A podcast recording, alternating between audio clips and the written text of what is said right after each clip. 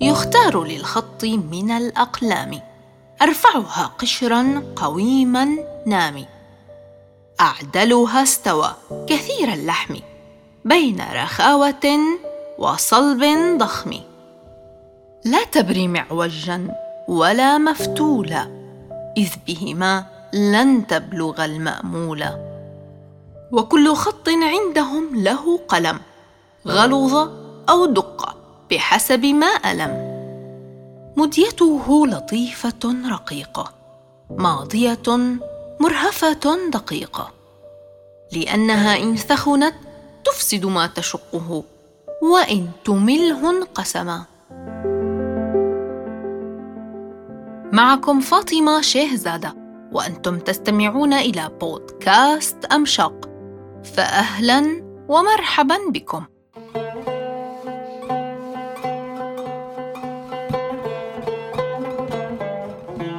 نعود إليكم بالجزء الثاني من أدوات الخط. ونبدأ بأول أداة وهي أساس للقلم. فبها تكمن عملية قص الأقلام. السكين وتسمى أيضا المدية. تستعمل في قط الأقلام وتكون قبضتها طويلة لكي تتمكن اليد من السيطرة عليها. ويكون نصلها متوسط الطول لكي يعين الخطاط في السيطرة على عملية إعداد القلم أي قط القلم.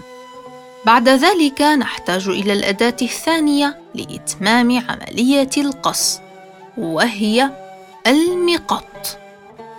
وهي الأداة التي يتم القط عليها وتكون عامة من العاج أو العظم على شكل مسطرة صغيرة تضاف إليها مخدة وهي قطعة من نفس المادة توضع على أحد جوانب سطح المقط لكي يسند القلم عليها أثناء القط وتستخدم أيضا في نحت رأس القلم.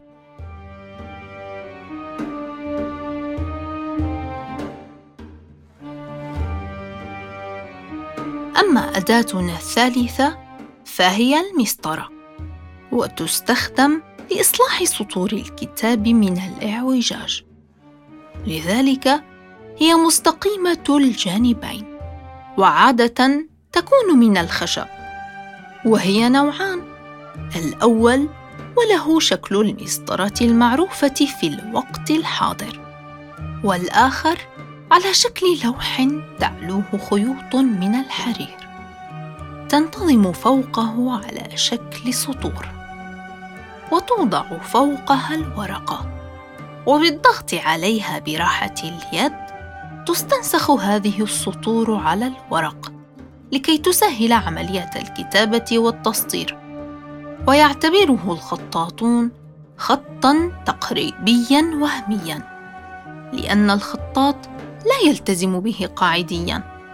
بل إن السطر الحقيقي للخطاط هو نتيجة الكتابة التي نتج عنها السطر الفني والذي هو مجموع الكلمات المكتوبة ويكون متغيرا بحسب النص.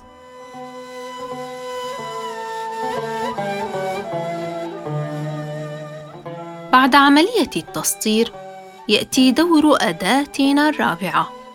والتي تسهل عملية سير القلم أثناء الكتابة وهي المسند. وهما قطعتان من الجلد.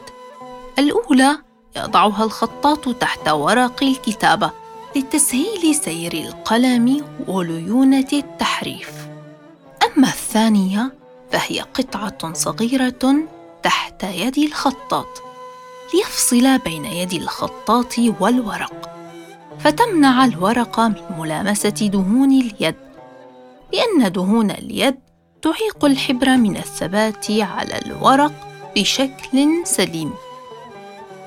ثم بعد الانتهاء من الكتابه كان لزاما أن يتم استخدام أداتنا الأخيرة وهي الممسحه وهي نوعان الأولى خرقة على سعة الدوات وتستخدم لمسح القلم عند الانتهاء من الكتابة حفاظا على الريشة من الفساد وتراكم الحبر عليها. ولأن الأحبار الجديدة بها الكثير من المواد الكيماوية فتأثيرها يكون أشد. أما الثانية فهي التي يمسح بها الخطاط ما أخطأ به أثناء الكتابة ويسميها الخطاطون بأداة الترتيش. وتكون سكينا صغيرة حادة وتستخدم في تصحيح الأخطاء الصغيرة ويسمون العملية بالترتيش أو التصحيح. وإذا كان الخطأ كبيرا فإن البعض يستخدم رقعة أو قماشا مع قليل من الماء. لمسح الكتابة كاملة وليس أجزاء منها.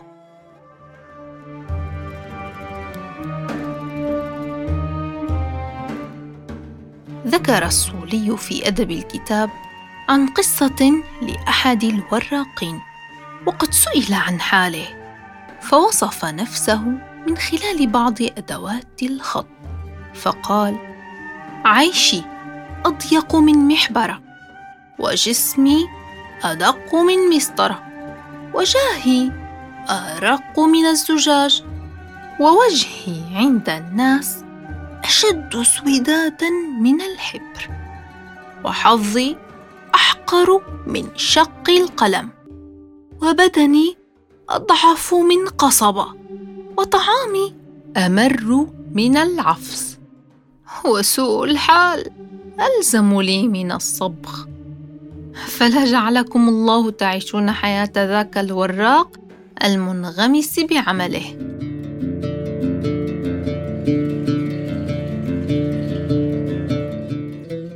نأتي لخطاط هذه الحلقة والذي يتميز بخبرته. كاتب مصحف قطر الشهير عبيد البنكي. أحد أعلام الخط العربي المعاصر ورواده محكم في مسابقة ارسيكا الدولية. تميز باطلاعه الكبير في تاريخ الخط العربي. وهو باحث قدير وخبير. بذل كل وقته للخط العربي. ويعتبر رمزا ومرجعا من مراجع الخط في الوطن العربي. ومن منبر بودكاست أمشق. نوجه تحية شكر للخطاط القدير عبيد البنكي لجهوده وعطائه.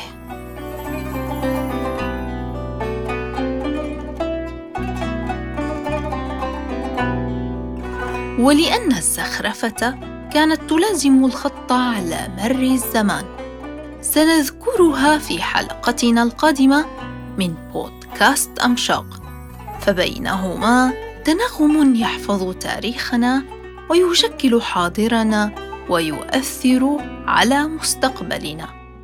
ولا تنسوا متابعة صفحاتنا على مواقع التواصل الاجتماعي ومنصات البودكاست. ودمتم في رعاية الله وحفظه.